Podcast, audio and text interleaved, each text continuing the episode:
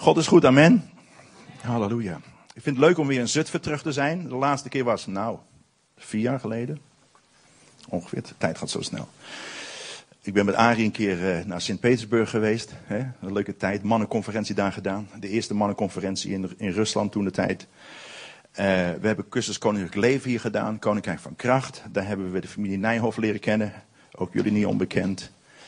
En we hebben een hele goede tijd gehad. En toen voelde ik ook echt in mijn geest, er moet een gemeente komen hier. Het is tijd dat een gemeente komt waar er ruimte is voor de Heilige Geest. Ja, waar we niet alleen maar geloven in de gaven, voor de rest het wel geloven, maar we geloven in de gaven en het ook laten gebeuren. Ja. Want er zijn een hele hoop gemeentes die geloven best in de gaven, maar voor de rest geloven ze het wel. Maar het gaven van de geest zijn zo onontbeerlijk. Ja, hoe kan je nou in vredesnaam evangelisatie doen zonder gebruik te maken van openbaringsgaven, gaven van woorden van kennis en woorden van wijsheid?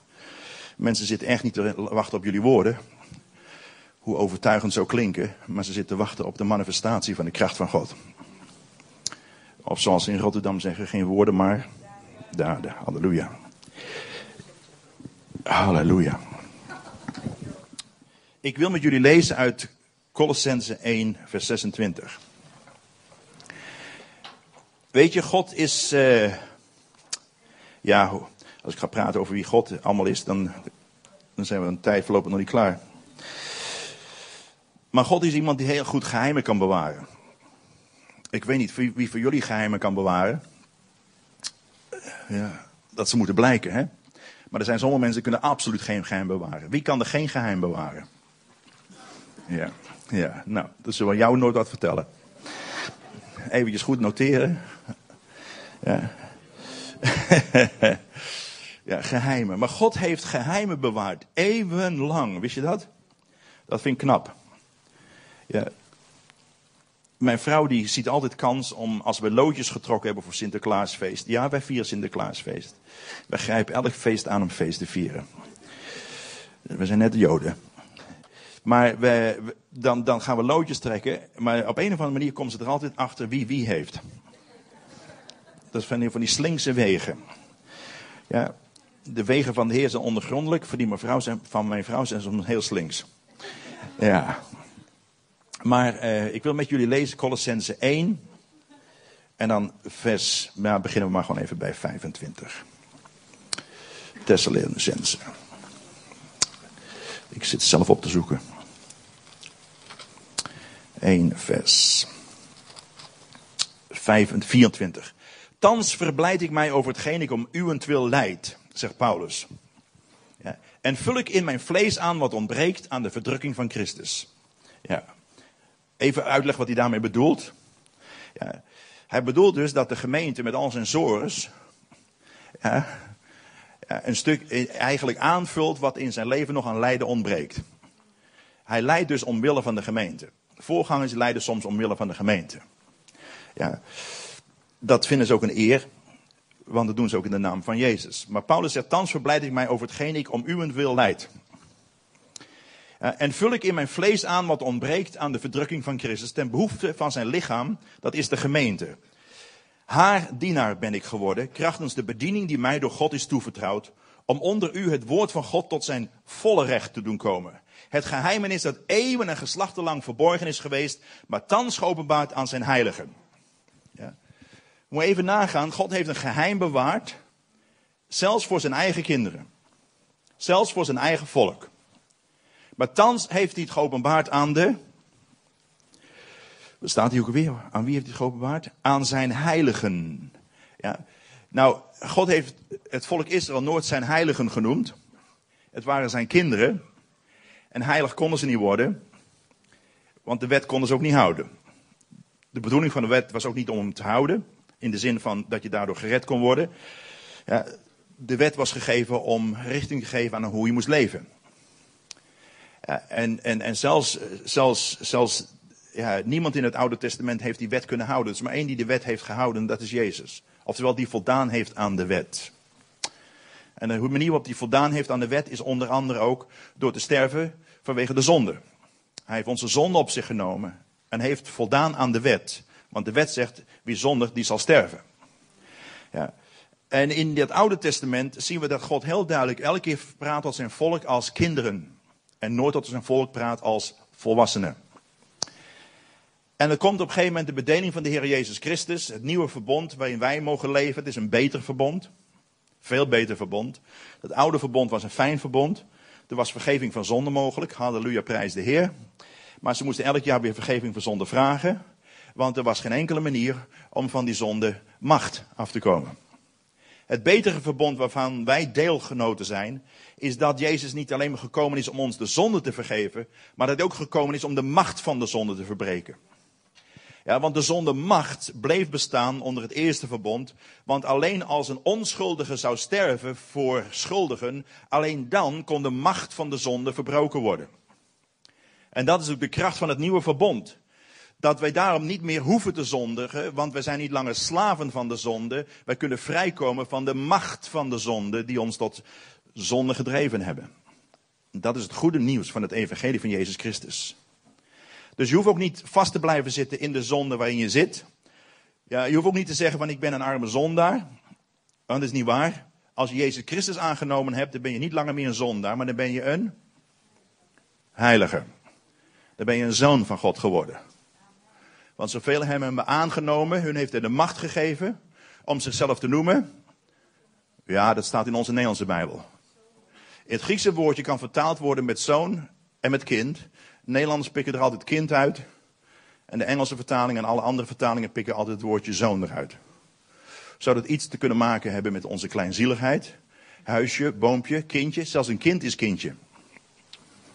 Ja, een kind is toch een kind, dat is toch al duidelijk. Maar Nederlands maken er een kindje van. We hebben van die kleinering, van die betutteling, beliddeling. Die kleinering hebben we heel vaak. En daar moeten we eens een keer van afkomen. Want op een gegeven moment gaan we zelfs het goede dat mensen doen zeggen. Nou ja, ach ja, nou ja.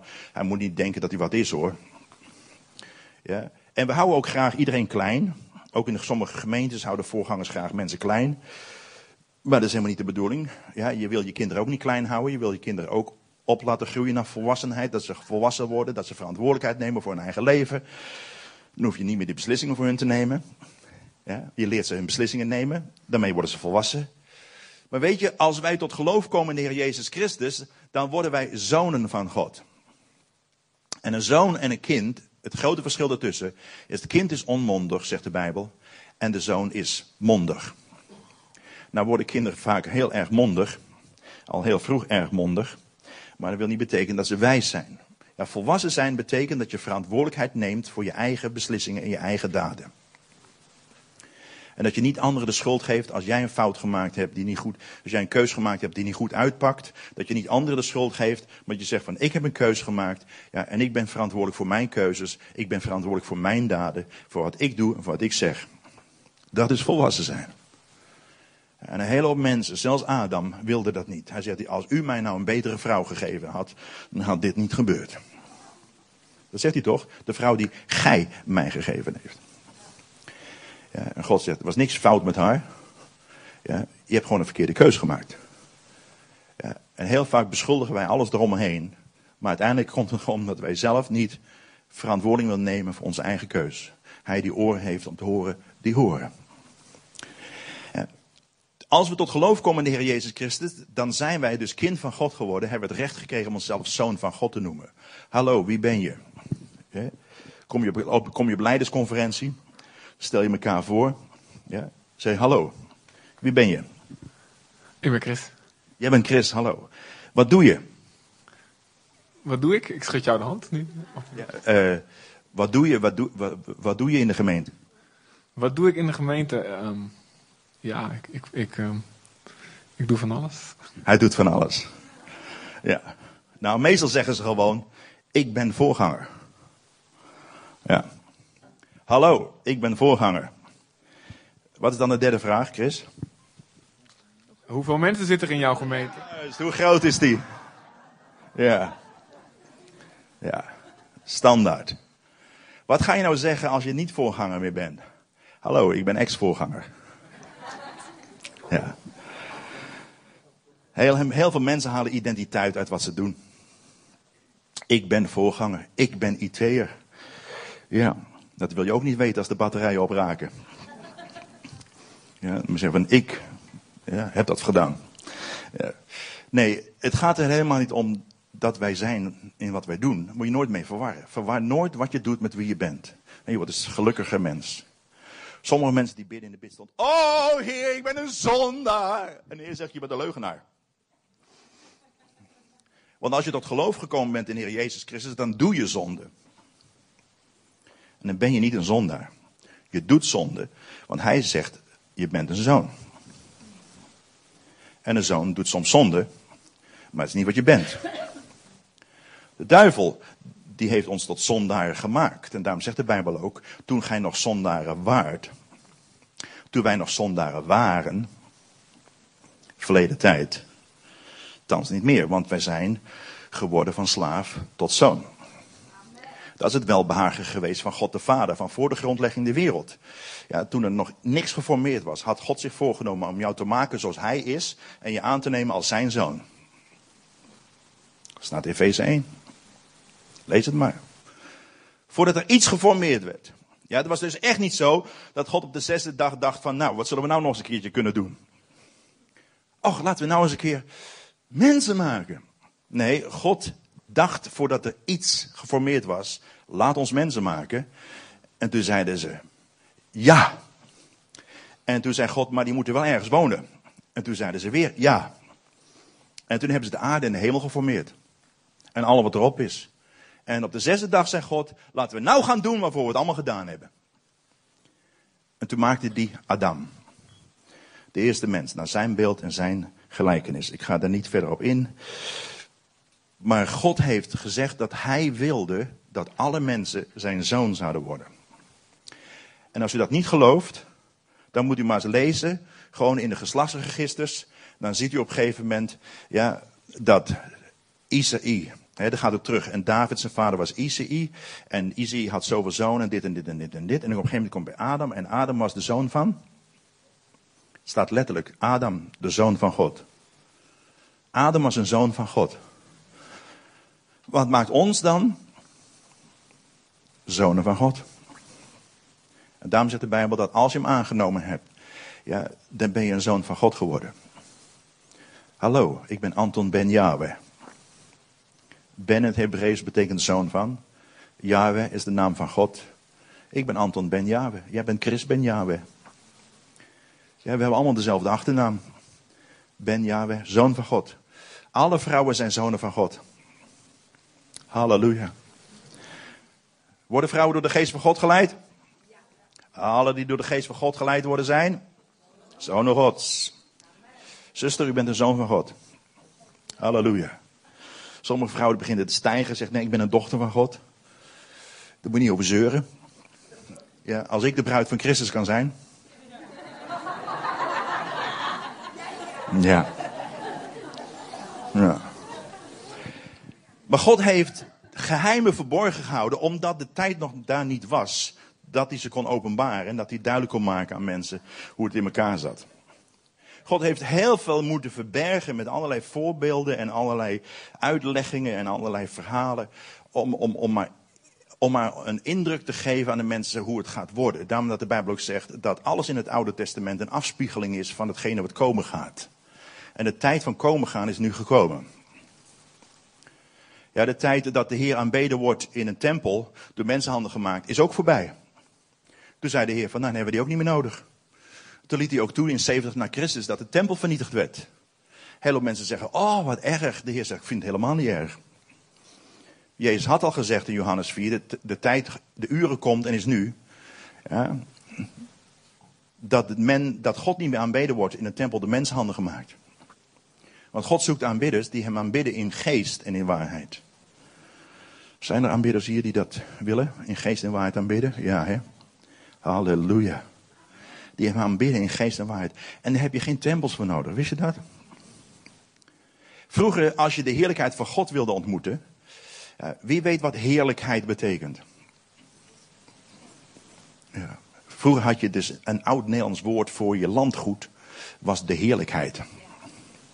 Ja, volgens mij hebben jullie zulke heerlijkheden hier om, in de omgeving. Dit is echt zo'n buurt van de heerlijkheden. En de heerlijkheid van iemand, van een herenboer, was al wat hij had. Dat was zijn heerlijkheid. En dan snap je ook gelijk dat woord heerlijkheid. Ja? De heerlijkheid van God is al wat hij is. Het Hebreeuwse woordje is kabod. Ja? Al wat God is. Het gewicht van God. Ik weet niet hoe zwaar God weegt.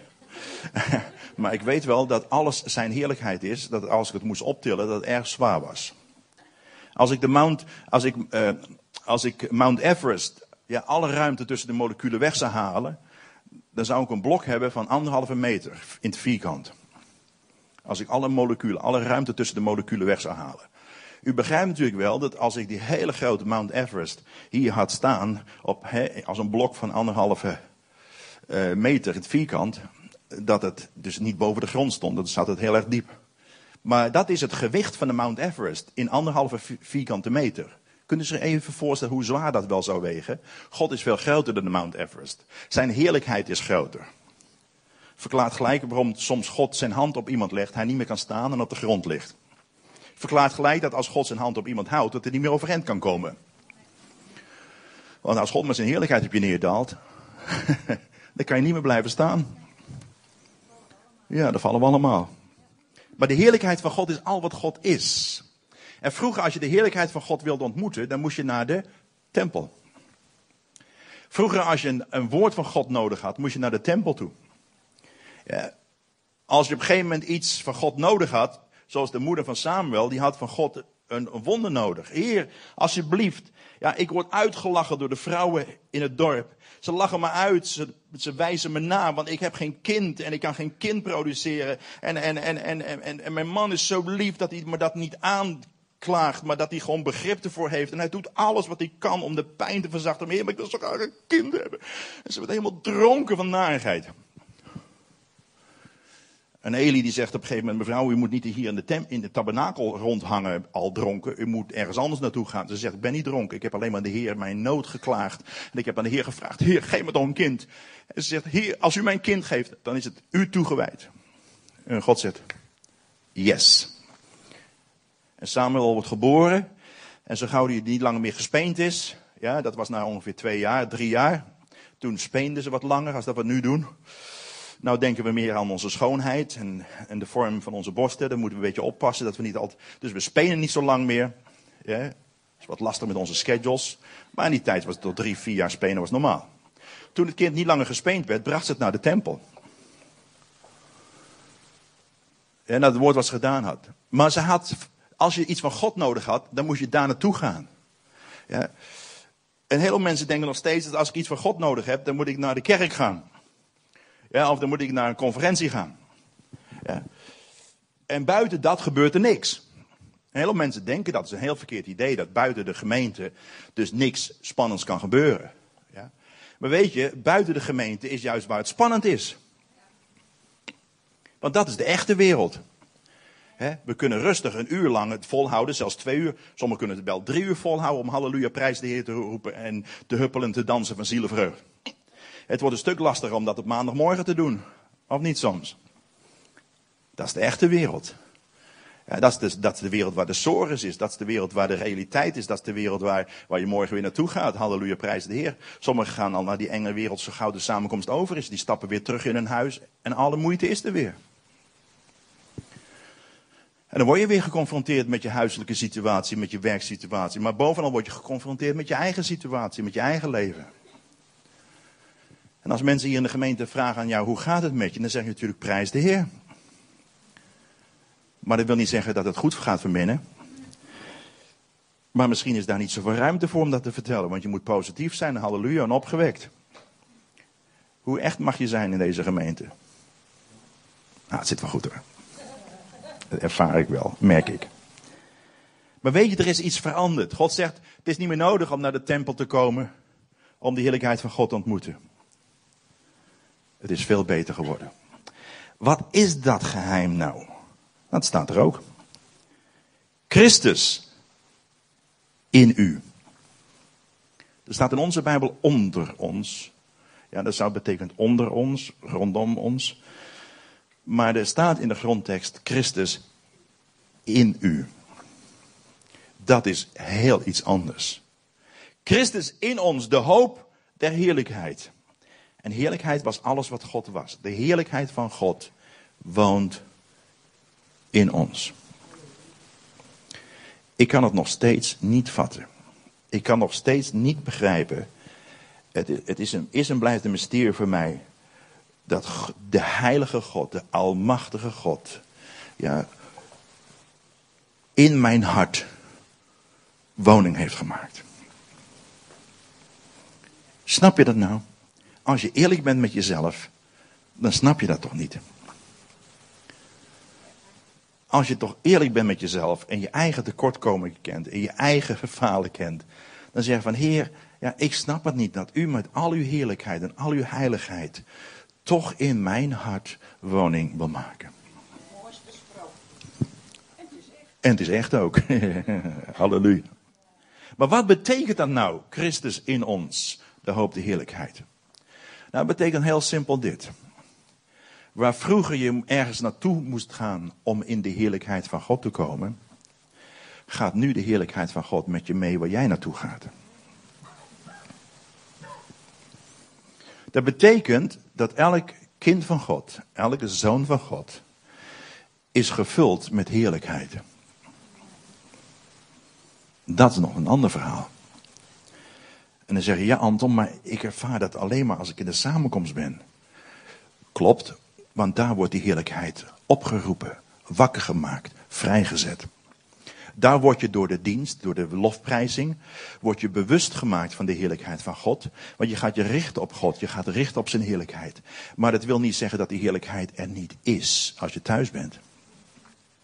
Maar dat wil betekenen dat jij je niet bewust bent van de heerlijkheid van God in jou.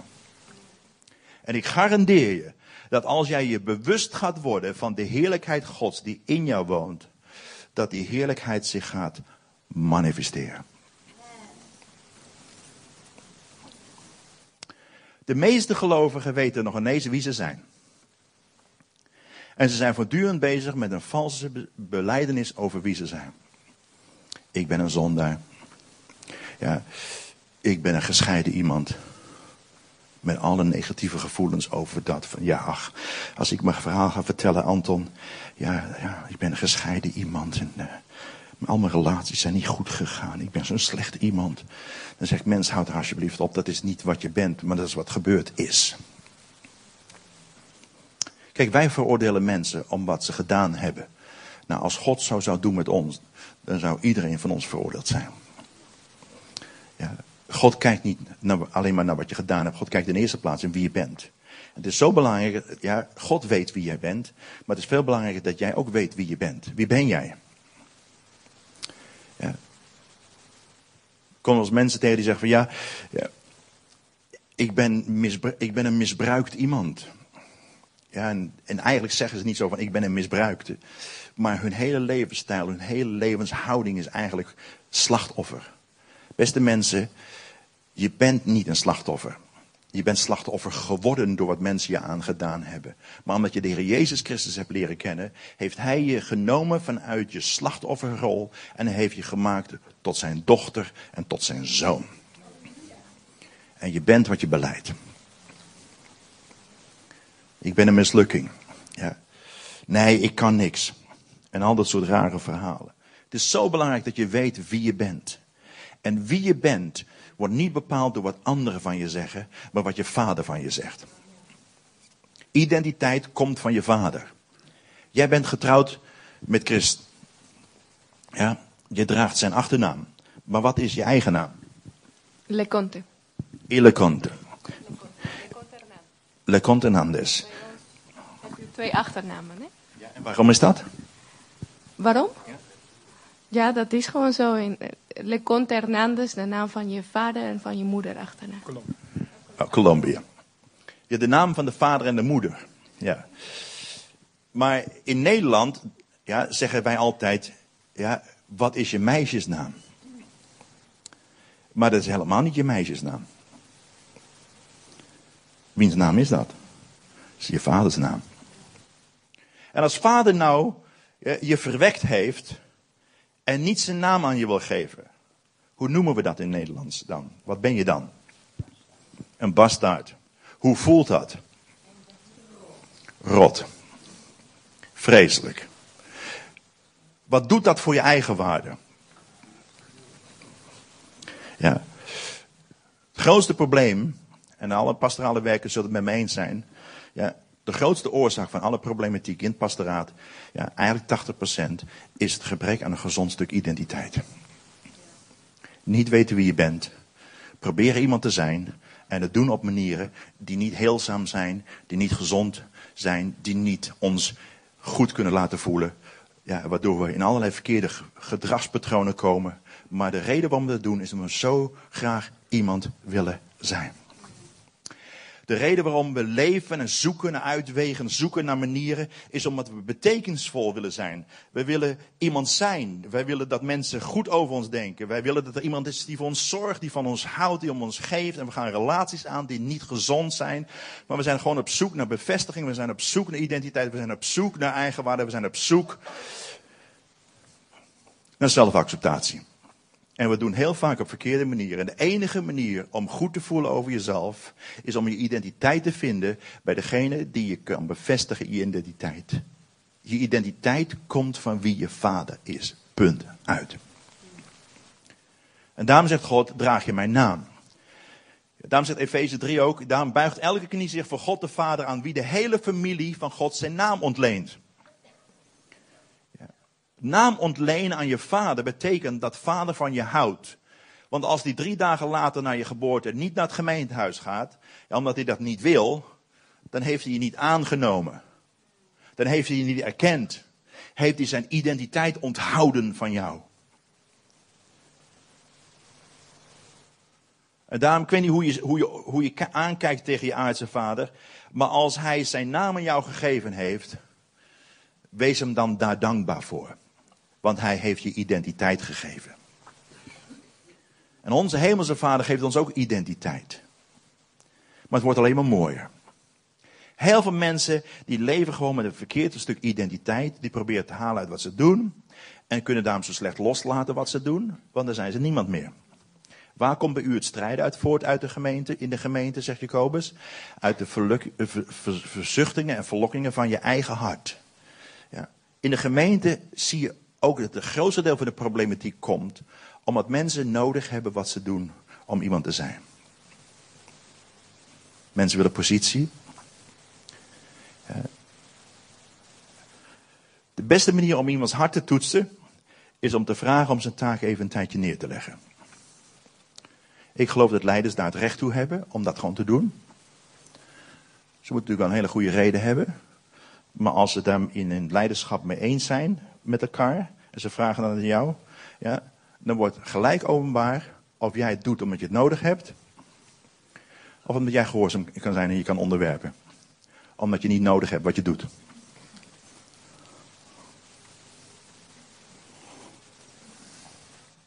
Ja, we doen meestal leiderstrainingen, dus ik richt me vaak op leiders. Dus, uh. Maar dit zijn alle spanningsvelden die komen vanuit dat nodig zijn om nodig te zijn. Ik heb het zo nodig om nodig te zijn. Want als ik, me niet, als ik niet nodig ben, dan voel ik me overbodig. Waardeloos. Je geborgenheid ligt niet in wat je doet. Zelfs niet in je baan. Zelfs niet in je salaris. Ah, beste mensen, die, dat pensioenfonds. Ja. Kunnen de ouderen ons, onder ons nog herinneren toen Den Uil zei dat die AOW, jongens, dat is zaligmakend. Dat is daar voor de rest van je leven. Je geen zorgen maken meer over de oude dag. Kunnen we dat nog herinneren? Ja. Toen op een gegeven moment bleef die AOW niet genoeg te zijn, moest je dus gaan bijpensioenen. Want kregen helemaal gaten. Ja, eerst moest je pensioenfondsen op gaan bouwen om het tekort aan te vullen. En op een gegeven moment moest je natuurlijk ook op gaan passen. Want als je een paar keer van baan veranderde was, kreeg je een gat in je pensioen. En moest je gaten in je pensioen gaan bijvullen. Beste mensen, laat ik één ding zeggen. Als je afhankelijk bent van je pensioenfonds en van je AOW, ja, dan ben je diep te betreuren. Ja. Maar als jij je vader kent, dan weet je dat je niet bezorgd hoeft te zijn. Want hij heeft gezegd, ik zorg voor je. Ik vond trouwens de beste, de beste inleiding voor een collecte die ik ooit gehoord heb. Wil ik heel duidelijk zeggen. Ja? Ik word soms niet goed van al dat gepreek over geld. Daar hou ik helemaal niet van. Maar dit was duidelijk, zodat iedereen duidelijk weet, kijk, ik saai, maar het blijft in mijn land. Ja? En dat is ook heel goed dat je uitlegde gewoon, en daar, en daar, en daar, en daar, en daar. En daar doe je het voor. De meeste mensen die mogen wel zaaien, maar ze weten niet wat ermee gebeurt. Ja, nou weet je het. Het gaat trouwens goed, wil ik gewoon even zeggen. Gezond. Goed, even terug naar de preek. Ja. Maar wat betekent het nou dat die heerlijkheid van God in mij woont? Dat betekent dat ik een tempel ben van God. Ja, de tempel Gods, dat is niet meer dat gebouw, is ook niet meer dit gebouw. Daar hangen hier van die schilderijen toe. Trouwens, heel goed voor die meid die gewoon even de schilderij omgedraaid heeft daar, want dat was geen gezond ding. Daar hangt ook zo'n ongezond ding. Hier laat die boede naar beneden donderen. Maar betekent dus dat hier niet de heerlijkheid van God in komt. De enige reden waarom de heerlijkheid van God zich hier manifesteert, is omdat jij en ik hier bij elkaar zijn. Want de heerlijkheid van God zit niet meer in een gebouw, de heerlijkheid van God zit in ons. Wij zijn de tempel waarin Gods heerlijkheid zich openbaart. En daarom, als ik mij verbind met Chris. Wow! Wat gebeurt er dan? Wat gebeurt er dan? Verdubbelt zich dan de heerlijkheid? Nee, het vermeerdert zich. Meer dan dubbel. Want weet je, de Bijbel zegt, als één duizend verslaat, dan verslaan er twee tienduizend. Dus als ik, ja, die gevuld ben ah, met de heerlijkheid van God. Mij verbindt met Christus die gevuld is met de heerlijkheid van God. Dan krijgen we een vermeerdering van de heerlijkheid van God. Halleluja. Daarom zegt de Bijbel ook. daarom zegt de Bijbel ook. Als twee of drie vergaderd zijn in mijn naam, dan ben ik in het midden. Dat is gewoon een zekerheid. Dat moet je niet gaan bidden als er heel weinig mensen zijn in de bidstond. Dat hoor je altijd. He. Er heel weinig mensen op de bidstond gekomen. En dan moeten we onszelf een beetje troosten. Zo van, Heer, dank u wel dat ook al zijn er maar twee of drie vergaderd zijn in uw naam. Beste mensen, gemeente zijn begint het moment dat je met iemand anders bent. En daarom kan het ook met je vrouw thuis zijn. En daarom kan de heerlijkheid van God ook zich manifesteren thuis. Want jij bent gewoon een wandelend vat van de heerlijkheid van God. En dat is gewoon het grote geheim hiervan. Ja, je hoeft niet te zeggen van, ja, die heerlijkheid van God is daar, die heerlijkheid van God is daar. Soms, soms openbaart de heerlijkheid van God zich hier en soms openbaart de heerlijkheid van God zich daar. En dan ga je daar naartoe om nog meer van de heerlijkheid van God te ontvangen. Maar als je wegkomt, ja, dan ben je gewoon een groot vat van de heerlijkheid van God. Ho. Oeh. Ja, als ik meestal ga praten, dan gaat gelijk die heerlijkheid zich manifesteren. Maar wat betekent dat nou voor de praktijk van elke dag? Dat betekent heel simpel dit. Dat als jij nu thuis komt, wat zo heel moeilijk is, dat je mag weten dat als jij daar binnen stapt, dan stapt de heerlijkheid van God binnen. Ja, dat betekent dat als jij morgen naar school toe gaat, ja, en dat een hele moeilijke situatie ligt met die leraar of met die leerlingen, ja, dat je niet langer meer de staart hoeft te zijn, maar dat je de kop mag zijn, zoals Deuteronomium zegt. Ja, dat betekent nog heel simpel. Dat waar je dus altijd maar het gevoel had dat je nooit mondig was, nooit iets wist te zeggen, dat je nu mag weten, Heer, uw heerlijkheid woont in mij. Ja, uw heerlijkheid woont in mij. U heeft door uw geest in mijn hart woning gemaakt. Ik ben een tempel van de Heilige Geest. En mijn tempel is niet leeg, mijn tempel is hartstikke vol. En waar ik ga, gaat die heerlijkheid mee. Het moment dat je zo gaat denken over jezelf, verandert er al iets. Waarom? Omdat de omstandigheden niet veranderd zijn, maar omdat jij veranderd bent. Omdat je anders bent gaan denken over jezelf. Een negatief denken is zichtbaar in je houding. Ik heb geen openbaring van de geest nodig als ik iemand zo zie lopen. Ja, dan weet ik gewoon, die is gedeprimeerd. Ja, sommige mensen hoeven niks te zeggen. Ja, het is altijd van hun gezicht af te lezen. Toch? Ook die flauwekul moeten we niet meer gebruiken in de gemeente. Want de Heer laat me zien dat er hier iemand diep bedroefd is. Ja, als je zangleider. Ik heb wel eens gehad hoor, zangleiders die zeggen dat dan. Dat is van de verkeerde kerk is dat joh. Niet van deze kerk. Nee. Ik heb wel eens gehad dat zangleiders zeiden van ja, de Heer openbaart maar dat er iemand diep bedroefd is hier. Ja, vind je het gek? Ja, die zuster op die vijfde rij die doet niks anders dan huilen tijdens de hele zangdienst. Daar heb je geen openbaring van de geest voor nodig. Als, de heer, als ik zeg van er zijn, mens, er zijn vijf mensen hier die last hebben van hun rug, heb ik ook geen openbaring van de geest nodig. Want in een groep als dit zijn er minstens tien die last hebben van hun rug. Wie van u heeft last van hun rug? 1, 2, 3. Haha, kijk eens aan. Ja. Ik heb deze preek ooit eerder gesproken. Dinsdagavond uh, voorlaat heb ik hem gesproken bij Trin. En toen noemde ik het geheim van de goochelaar. Ik ga jullie het geheim van de goochelaar vertellen. Want weet je, sommige mensen die hebben dan zo'n bediening van wonderen en tekenen. En dan, kijken we hoe ze daar bezig zijn. En ze zeggen, jongen, de gegoochel zeg. Het grootste, het grootste gevaar voor een goochelaar is als iemand achter zijn geheim komt. Ja, want dan kunnen anderen ook goochelen. En sommige, sommige mensen hebben een bediening van God gekregen. En die denken dat ze dat geheim moeten houden. Ja, en dat ze dan ook het indruk moeten wekken dat hun het alleen maar kunnen. Ja, hun kunnen alleen maar bidden met zieken. Ja, hun kunnen alleen maar bidden voor bevrijding. Dat is hun bediening. En dat houden ze ook helemaal voor hun. Ja, ze zijn echt niet van plan om jou gewoon de fijne details te gaan leren over hoe ze dat doen. Want dan hebben ze macht weggegeven. En nou, wat nou het leuke is, de Heer zegt, ik heb geen geheimen meer. De sinds de Heer Jezus gekomen is, heeft God geen geheimen meer. Hij heeft geopenbaard. Hij zegt, dit zullen alle gelovigen doen. Op zieken de handen leggen, zullen gezond worden. Ja, boze geesten zullen ze uitdrijven, doden zullen ze opwekken. Ik ga, ik ga Heidi Beker ga ik ontmoeten. In mei.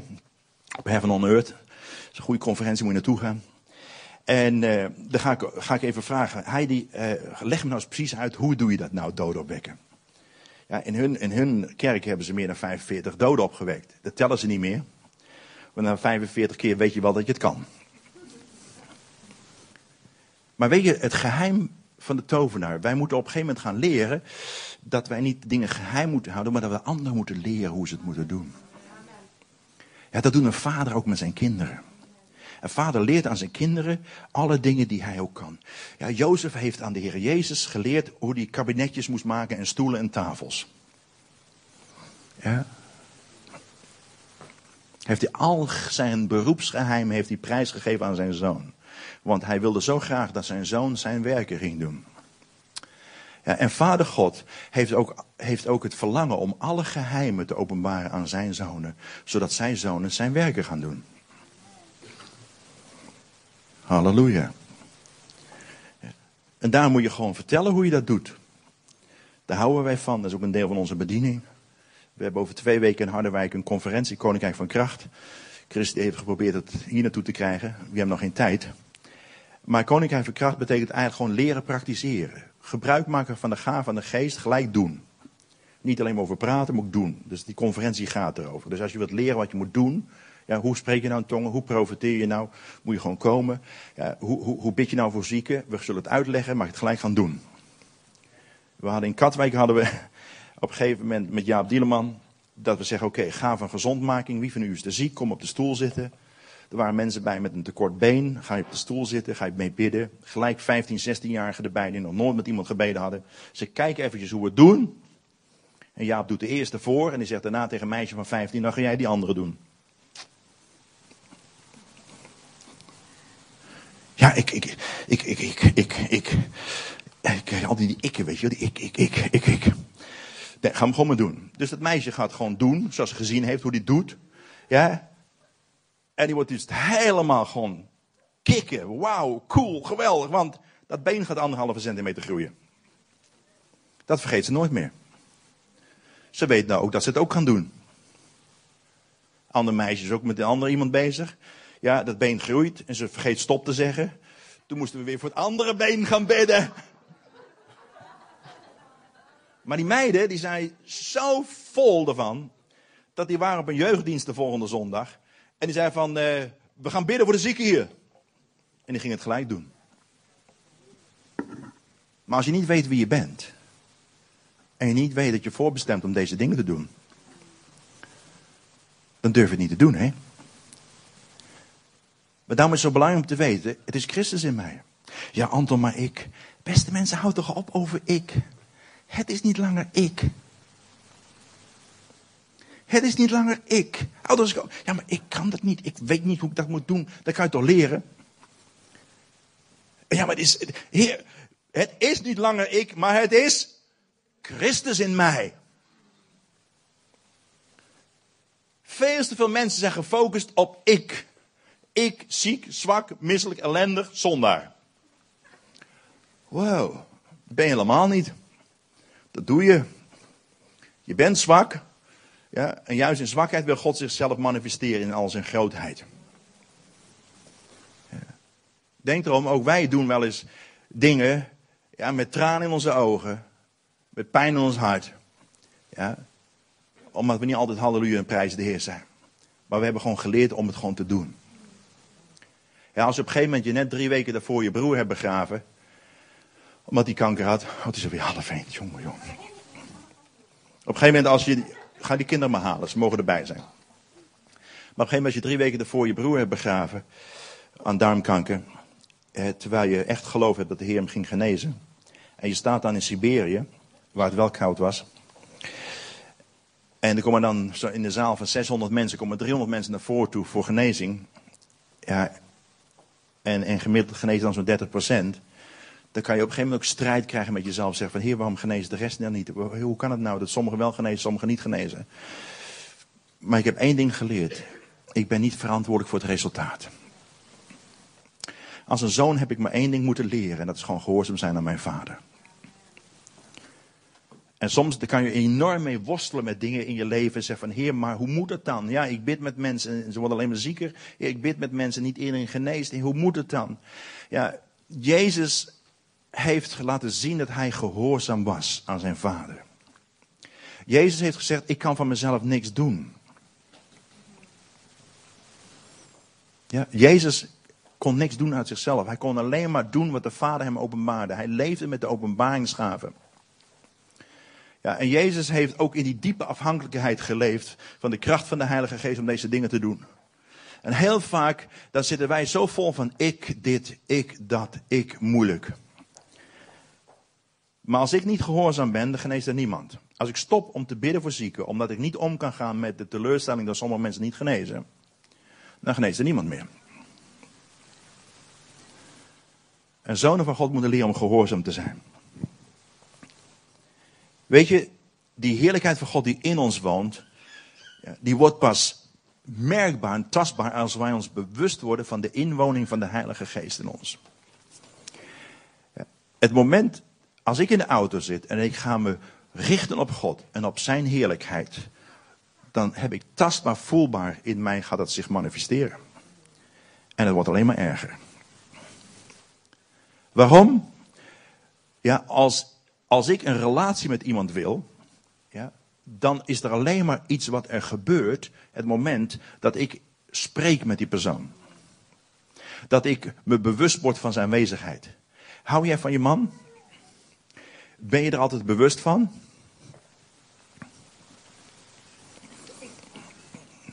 Nee, niet altijd, nee. Ben je altijd bewust van de goedheid en de liefde en, en, en de bijzondere van je partner? Nee. Maar het gekke is, hè, als je je bewust wordt wie die ander voor je is, wat gebeurt er dan? Komen al die gevoelens van liefde en, en, en genegenheid komt allemaal naar boven toe. Het moment dat je je bewust dus wordt van de ander, gebeurt er iets van binnen. Het moment dat je bewust wordt van de Heilige Geest die in jou woont, word je bewust van de Heilige Geest. Ja, maar Anton, ik. Nou, laten we even afspreken. Het is niet langer ik, het is Christus in jou. Ja. Ik kan het niet hoor. Ik kan geen mensen genezen. Ik kan nog geen mug van hoofdpijn genezen. Kan wel hoofdpijn geven. Maar ik kan wel gehoorzaam zijn. U ook? Op zieken zult gij de handen leggen. Wie is de genezer? Anton van der Laak?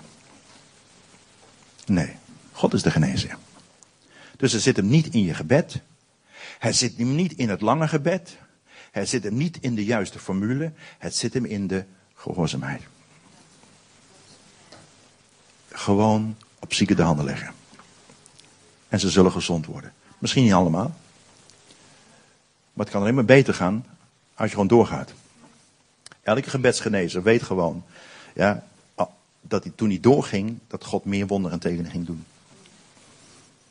De meesten zeggen in het begin, gingen meer mensen dood als dat leefde. Meer mensen werden ziek als dat gezond werden. Maar toen ze doorgingen in gehoorzaamheid aan God. En de grote mannen gods, waar wij nog zo tegen opkijken, het enige wat ze voor hebben, is dat ze ontdekt hebben dat het gewoon is Christus in ons. Uitstappen in geloof. Maar Anton, ik vind het zo moeilijk als ik in die situatie kom. Je, bent, je kent mijn situatie niet, Anton. Je weet niet hoe moeilijk mijn situatie is. Ik ben soms bang daarvoor. Dan heb ik dit nieuws voor je. Hij, die in mij is, is sterker dan die in de wereld is. Ik moet me ervan bewust worden. Want als ik me bewust word van de inwoning van de Heilige Geest, dat ik een tempel ben van Gods Geest, dan kom ik in een situatie binnen met een hele andere levenshouding. Ja, maar Anton, ik heb wel eens gehad dat ik ergens binnenkwam dat mensen altijd gelijk vijandig werden. Ja, natuurlijk. Want demonische machten herkennen wie in jou woont. Want als Jezus ergens in de synagoge binnenstapte, had hij altijd gedonder. Jezus stapt de synagoge binnen. Gelijk beginnen de machten de duisternis te manifesteren. Jezus van Nazareth, wat komt gij hier doen? Jezus zegt zwijg, eruit. Jezus, zoon van de Allerhoogste God. Want zij zagen Gods heerlijkheid in hem. Zij wisten wie hij was. Niemand wist wie hij was. Niemand wist dat hij de zoon van God was. Want hij was in het vlees gekomen, maar in de geest was hij zoon van God. En in de geestelijke wereld zagen de demonische machten wie hij was. En daarom zijn dus ook, ja, Jezus, zoon van de Allerhoogste God. En hij zei, Sst, mond dicht. Maar dat hoeft niet meer. Demonische machten zullen herkennen dat Gods geest in jou woont. En ze hebben er of een probleem mee en ze gaan zich manifesteren, of ze gaan weg. Maar wees niet bang voor die confrontatie, want hij die in jou is, is meer dan in de wereld is. Morgen als je naar school toe gaat, die moeilijke situatie. Ja, wees je bewust wie in jou woont. Wees bewust dat de heerlijkheid van God in je woont. Je hoeft nog ineens wat te zeggen, maar er gaan dingen veranderen. Garandeer ik je. Die moeilijke situatie op je werk. Ja, wees je bewust van wie in je woont. En stap heel bewust met hem binnen in de situatie. En ik garandeer je, de situatie gaat veranderen. Hoef je misschien nog ineens niks te zeggen. Thuis de situatie. Als je nu binnenkomt, stap je heel bewust binnen, wetende wie je bent en wie in je woont. Misschien hoef je niks te zeggen, maar er gaan dingen gebeuren. Want als de heerlijkheid van God ergens binnenkomt, dan gebeurt er wat. Want als de heerlijkheid van God ergens binnenkomt, dan verandert de situatie. Heer, u en ik samen, we vormen een goed team. Ik ben me bewust ervan geworden. En daarom geloof ik ook dat als ik in situaties binnenkom, dat dingen veranderen. Daar geloof ik gewoon in. Daar ga ik gewoon vanuit. Want ik ben voorbestemd om de wereld te veranderen. U ook. En de wereld zit op mij te wachten. En de wereld zit op jou te wachten. Met rijkhalsend verlangen. Ze zitten te wachten op je. Je hebt misschien het idee niet dat ze op je zitten te wachten. De wereld is het zat, alle woorden en al het gepriete praten. Maar de wereld zit te wachten op het openbaar worden van zonen gods. Want wat doen die zonen? Die brengen de heerlijkheid van God binnen. Doen de werken van hun vader. Die prediken het evangelie, genezen de zieken, drijven boze geesten uit, wekken doden op. Ze hoeven niet bezorgd te zijn over hun onderhoud, want vader zegt ik voorzie. Wat een leven. Zullen we gaan staan? Ik wil met jullie een gebed bidden. Waarin we gaan beleiden dat we veel te veel gekeken hebben naar ons en niet naar Hem. Dat we veel te veel excuses gebruikt hebben. Waardoor we ons eigenlijk gewoon teruggetrokken hebben van onze verantwoordelijkheid om deze wereld te geven waar de wereld op wacht.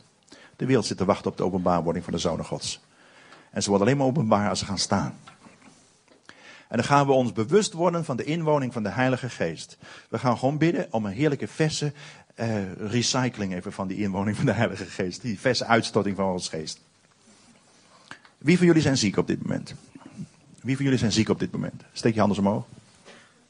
Wie van jullie heeft pijn op dit moment? Ja, grappig hè, dat al die mensen. Ja, prachtig. Oude vrienden zien in de gemeente ben, wil ik even zeggen hoor. Ik heb vaak pijn en schouders. En als ik in de gemeente ben, is die pijn. Ja, omdat je in de heerlijkheid bent. De beste zuster, die heerlijkheid van God gaat met je mee, ook thuis. Halleluja. Hey, wat grappig is, hè, dat al die mensen die net hun handen omhoog staken omdat ze rugpijn hebben, die steken niet hun handen omhoog. Want je hebt gewoon je rugpijn geaccepteerd, joh. Dat hoort bij jou, vind je.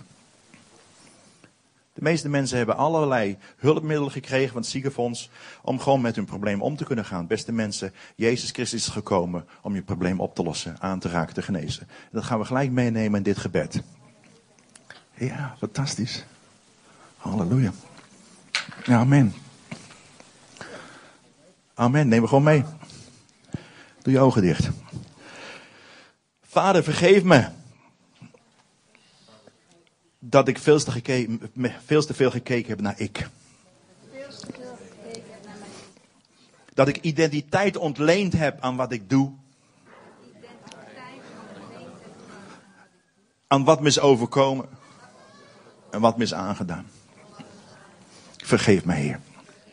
Ik beleid dat ik een zoon van God ben. Gekocht en betaald door het bloed van Jezus. Dat ik gekocht en betaald ben. En dat de Heilige Geest in mij woont. De inwoning van de Heilige Geest. Ik ben een tempel van God.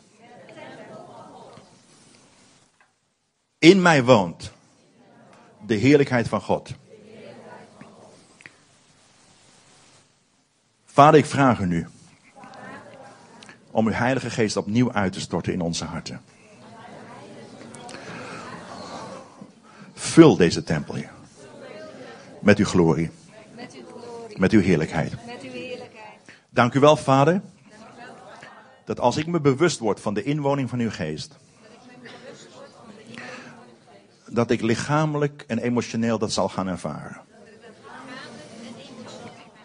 Maak mij bewust dat als ik een situatie binnenstap, dat u in mij woont. Maak mij bewust dat ik samen met u binnenstap in elke moeilijke situatie. En ik geloof en beleid dat het niet langer meer ik is, maar Christus in mij. En dat Hij die in mij woont, meer is dan die in de wereld woont. Dank u wel, Vader, dat u mij niet als wees achtergelaten hebt, maar dat u mij aangenomen heeft als zoon. En de zonen van God zullen de wereld overwinnen. Door hun geloof. En door de inwoning van de Heilige Geest. Eh, En omdat ze hun leven niet lief hebben. Amen. En in de naam van Jezus kom ik op tegen elke ziektemacht die dit lichaam van Christus gevangen houdt in ziekte en in pijn. Leg maar je hand op je zere plek. Wow. In de naam van Jezus gebied ik ook dat deze pijn in gewrichten in de heup niet langer meer terugkomt, maar voorkomen weggaat. En dank u wel, Heer, dat u ook haar blaas aanraakt in Jezus' naam. In Jezus' naam. Kom, Heer, en genees de pijn, het oorzuizen. Wauw. Dank u, Heer, dat u het geneest. Dank u, Jezus. Dank u, Jezus. Ik gebied het oorzuizen om te stoppen. In Jezus' naam. Rust in het hoofd. Rust in het gehoor in Jezus' naam. Al die mensen die pijn hebben in de rug, of in de lendenen, het lijf, wat dan ook, steek je handen omhoog. Wow.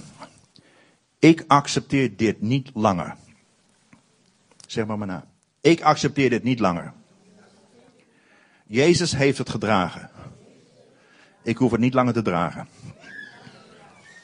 Ik wijs het aan, wow, ik wijs het aan ook af in de naam van Jezus.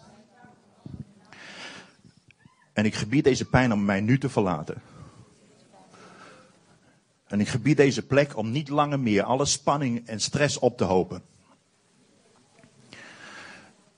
Maar de genezing van Jezus ontvangen. In Jezus' naam. Wow. Probeer eens op te kijken of de pijn weg is. Bij wie is de pijn weg? Bij wie is de pijn weg? Eén. Bij wie is de pijn weg? Twee. Drie. Vier. Pijn weg, broer? Geweldig. Vijf. Wow. Ja, ga niet te diep zoeken. Sommige mensen die willen het weer vinden. Als het weg is, is het weg. Wow. Jongens, de tijd is op. De tijd is om. De tijd is nooit om. De samenkomst is over en de dienst aan God begint.